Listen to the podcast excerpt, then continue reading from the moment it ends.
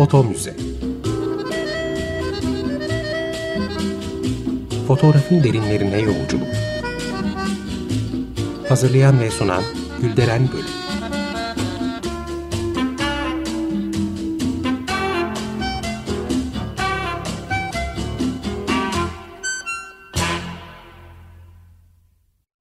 Merhaba değerli dinleyiciler, fotoğraf tarihçiniz ben Gülderen Bölük.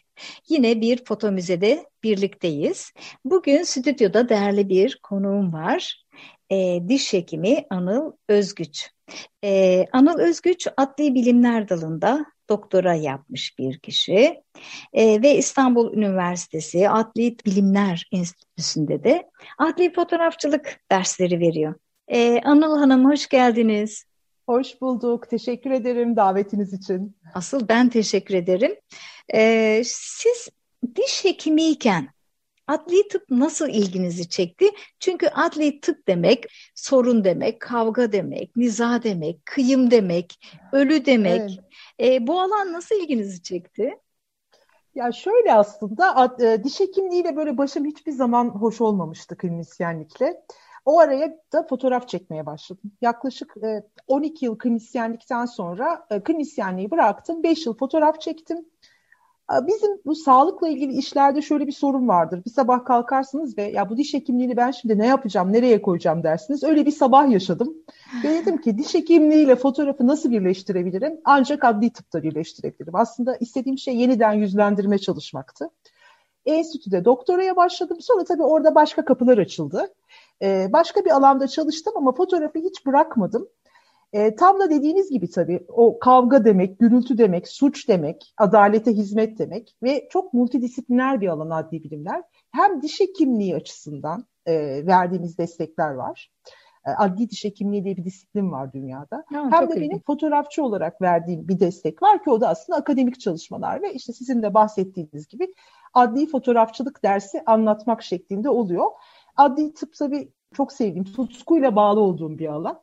Hala da hem adli diş hekimliği hem de adli fotoğrafçılık alanında çalışmaya devam ediyorum. Ee, size ikinci olarak şunu sormak istiyorum.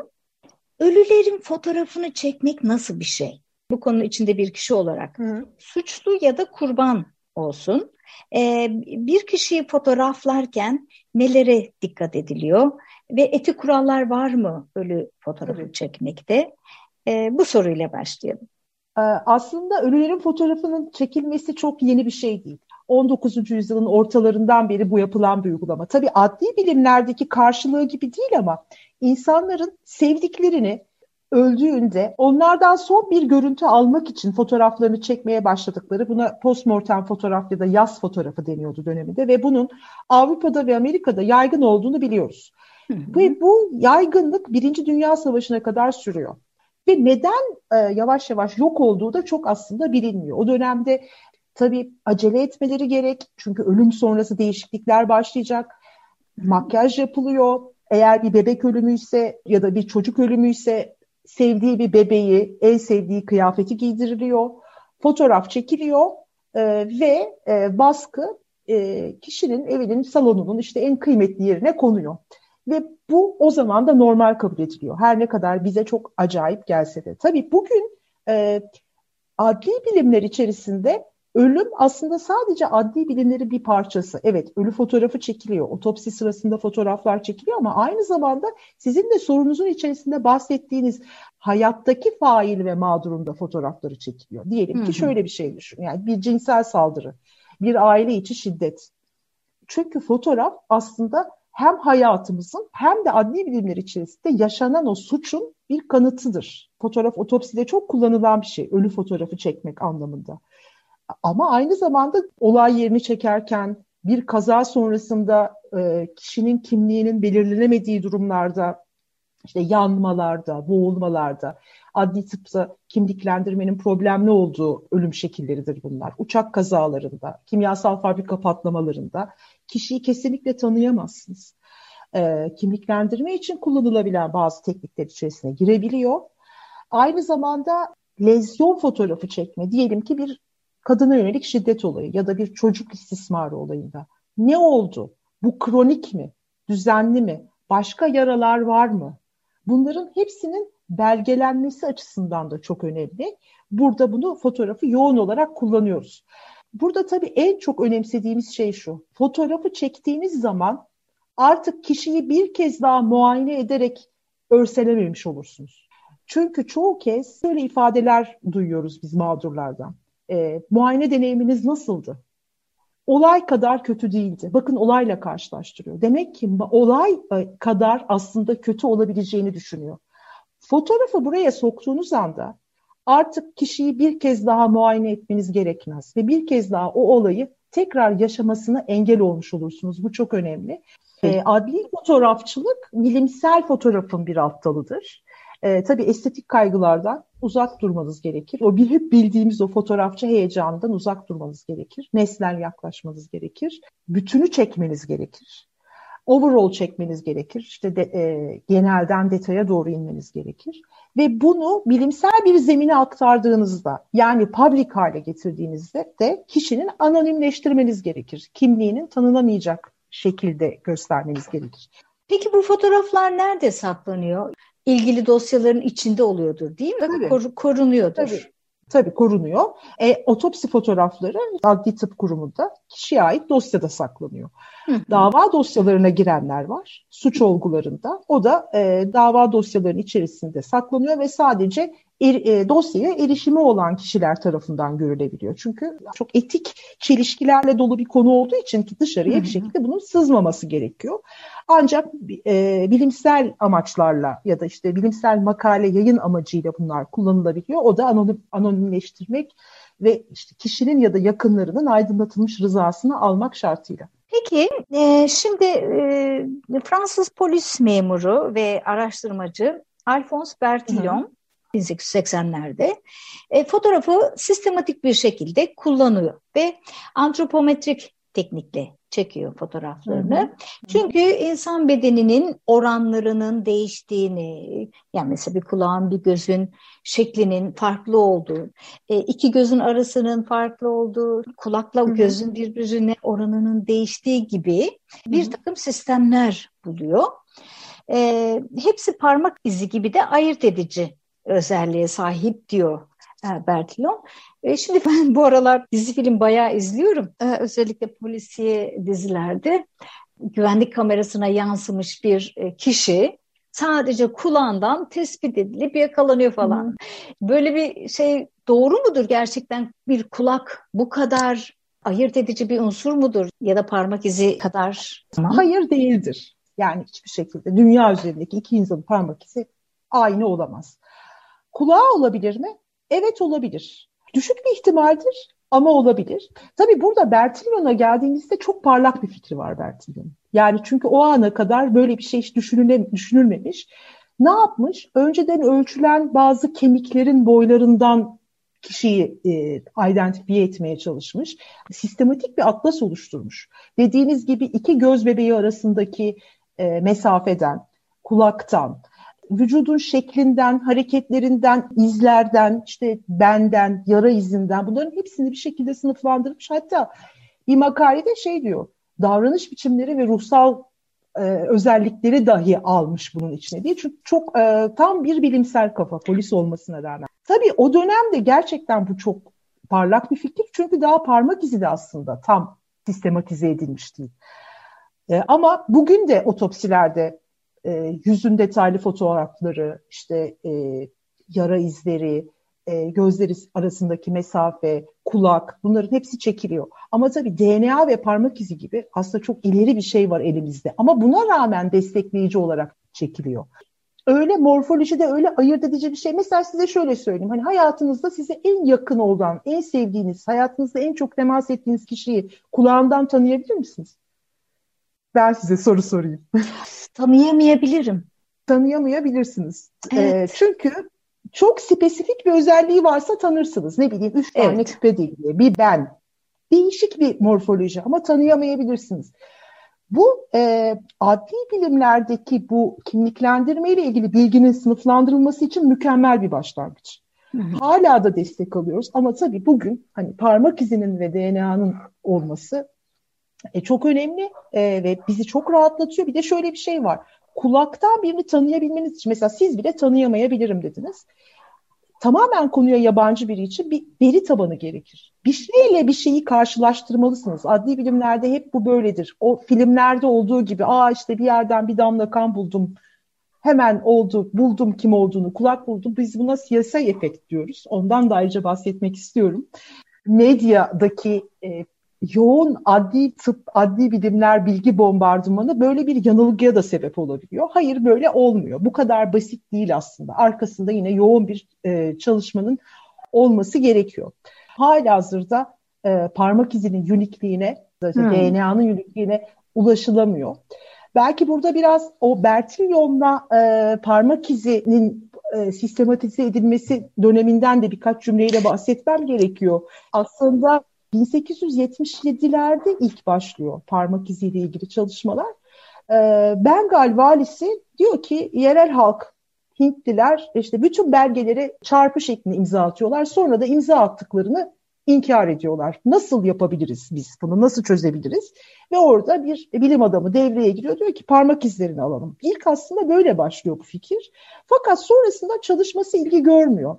Arkasından 1880'ler, 1892'lerde bir, işte Henry Fowles, Francis Galton buna bir, birkaç şey ekleyerek sistematize etmeye başlıyor. Ve bizim adli bilimlerin doğayeni e, e, Lockhart, her temas bir iz bırakır diyen kişi, adli bilimlerin de mottosudur bu. Parmak izinde 12 tane ortak nokta buluyor. Diyor ki bu nasıl bir şey? Yani hiç mi değişmez? Parmak uçları yakıyor, kızgın yağ sokuyor, kaynar suya sokuyor, demire yapıştırıyor. İyileşmesini bekliyor ve bakıyor ki tekrar aynı şekilde gelmiş. Yani ve o zaman diyor ki parmak izi değişmez bir şeydir. Bu bilgiye ulaşıyor ve bunu Nature'da yayınlanıyor bu. Arkasından bunun üzerine bir sınıflandırma geliyor. Şimdi o zaman da Bertillon'un neredeyse çağdaşı. Hmm. Ve bu iki şey bir arada yürümeye başlıyor ve kriminolojinin de temelleri kurulmuş oluyor.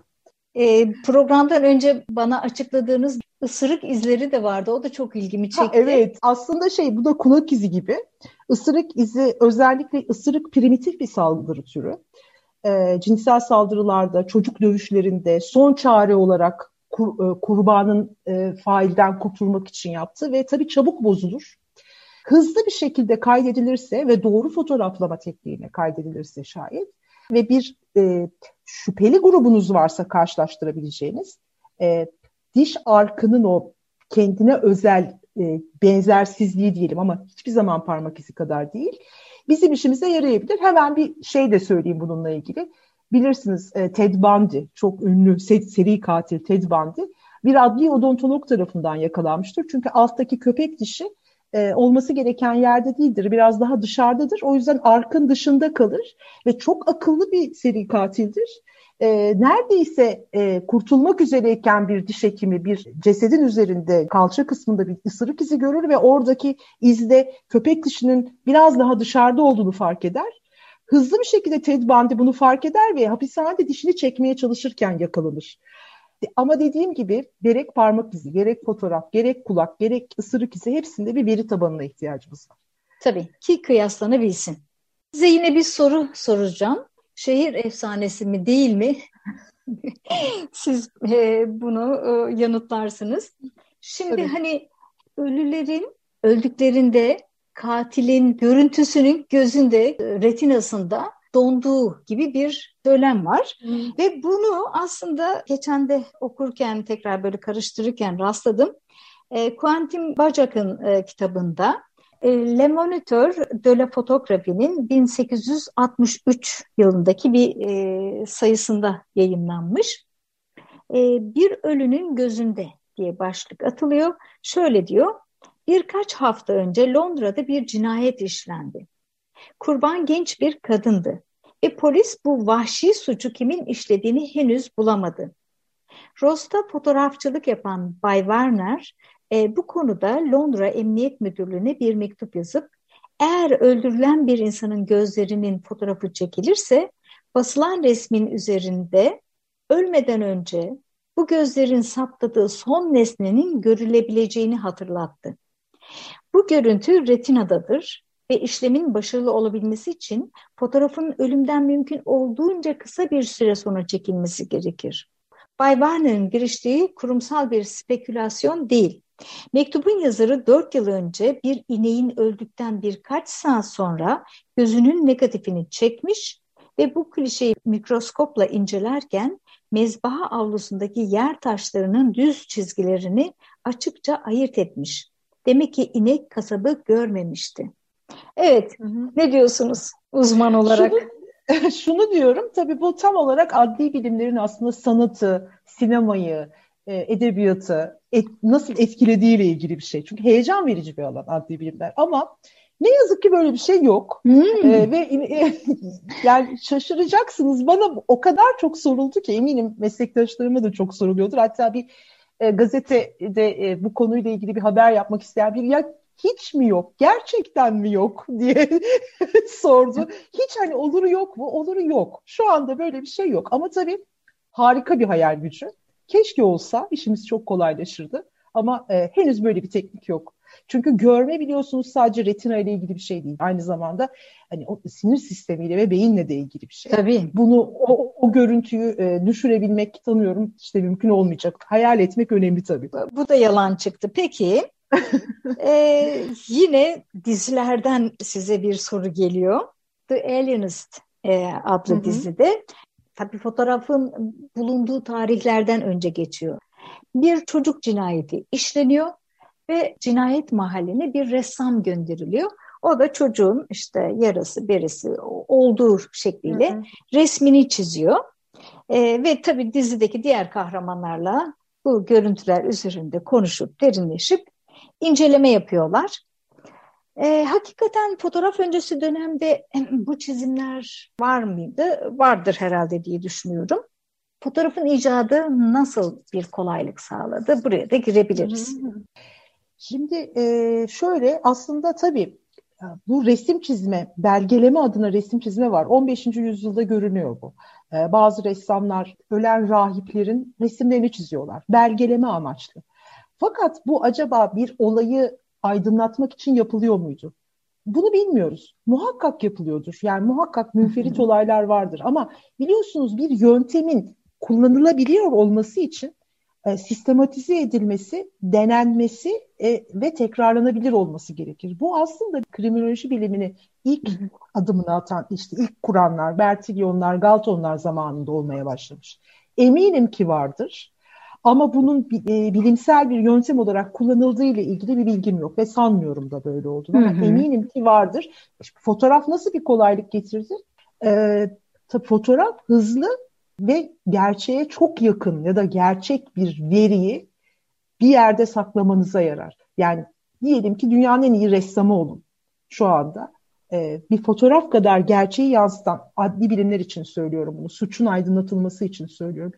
Bir e, veriyi elde etmeniz çok kolay değil. Hem zaman gerekiyor hı hı. hem insani faktörler var.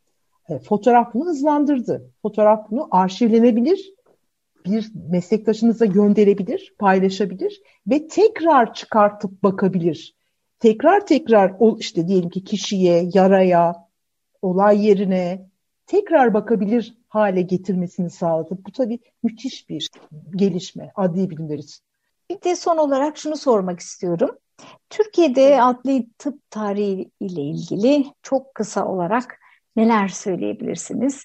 aslında şey dünyadaki teknikleri şu anda e, Türkiye kullanıyor. Çok e, yani dünya ile paralel gidiyoruz. Tabii başka birkaç sorun var. Hani bu adli tıp programı olmadığı için oraya yani bilirkişilik sisteminin bağımsızlığı, işte bilirkişilik kurumlarının otonom olmaması gibi. Ama teknik dünyayla e, kesinlikle aynı seviyede. Aslında Türkiye'de adli tıpın tarihi bu Tanzimat Fermanı'ndan sonra başlıyor yavaş yavaş. Çünkü 1839'da Tanzimat Fermanı okunuyor ve artık işte devlet idaresi, eğitim, hukuk Batı normlarına yaklaştırılıyor. Ve o zaman e, aslında bir şekilde e, bu konu üzerine de kafa yorulmaya başlanıyor. İlk e, diseksiyonu yapan kişi yani anatomi dersini anlatan kişi Avusturyalı hekim e, Charles Bernard. O dönemde diyor ki e, tıp fakültesi öğrencileri için mutlaka gerçek beden üzerinde anatomi öğrenmeliler. Çünkü onun öncesinde maket kullanılırken E, birinci Abdülmecit diyor ki tamam e, kürek mahkumu olan kişilerin cesetleri üzerinde tıp fakültesi öğrencileri çalışabilir. İşte 1920'de Tababeti Adliye Kanunu arkasından da 1982'de şu anki haline en yakın olan e, Adli Tıp Kurumu Kanunu'nun kabul edilmesiyle birlikte şu anda dünyayla paralel. Ne güzel. Evet. Anıl Hanım geldik sona. Çok, Ay çok, ne çabuk geçti. Çok çabuk geçti ve e, çok keyif aldım. Katıldığınız için çok teşekkür ediyorum. Ben teşekkür ederim. Beni davet ettiğiniz için çok güzel oldu gerçekten de. Sağ olun. Değerli dinleyiciler, e, Açık Radyo Program Destek Haftası da başlamış bulunuyor. Ben de bu vesileyle şimdiye kadar programımı destekleyenlere ve destekleyecek olanlara sonsuz teşekkürler ediyorum. Var olun.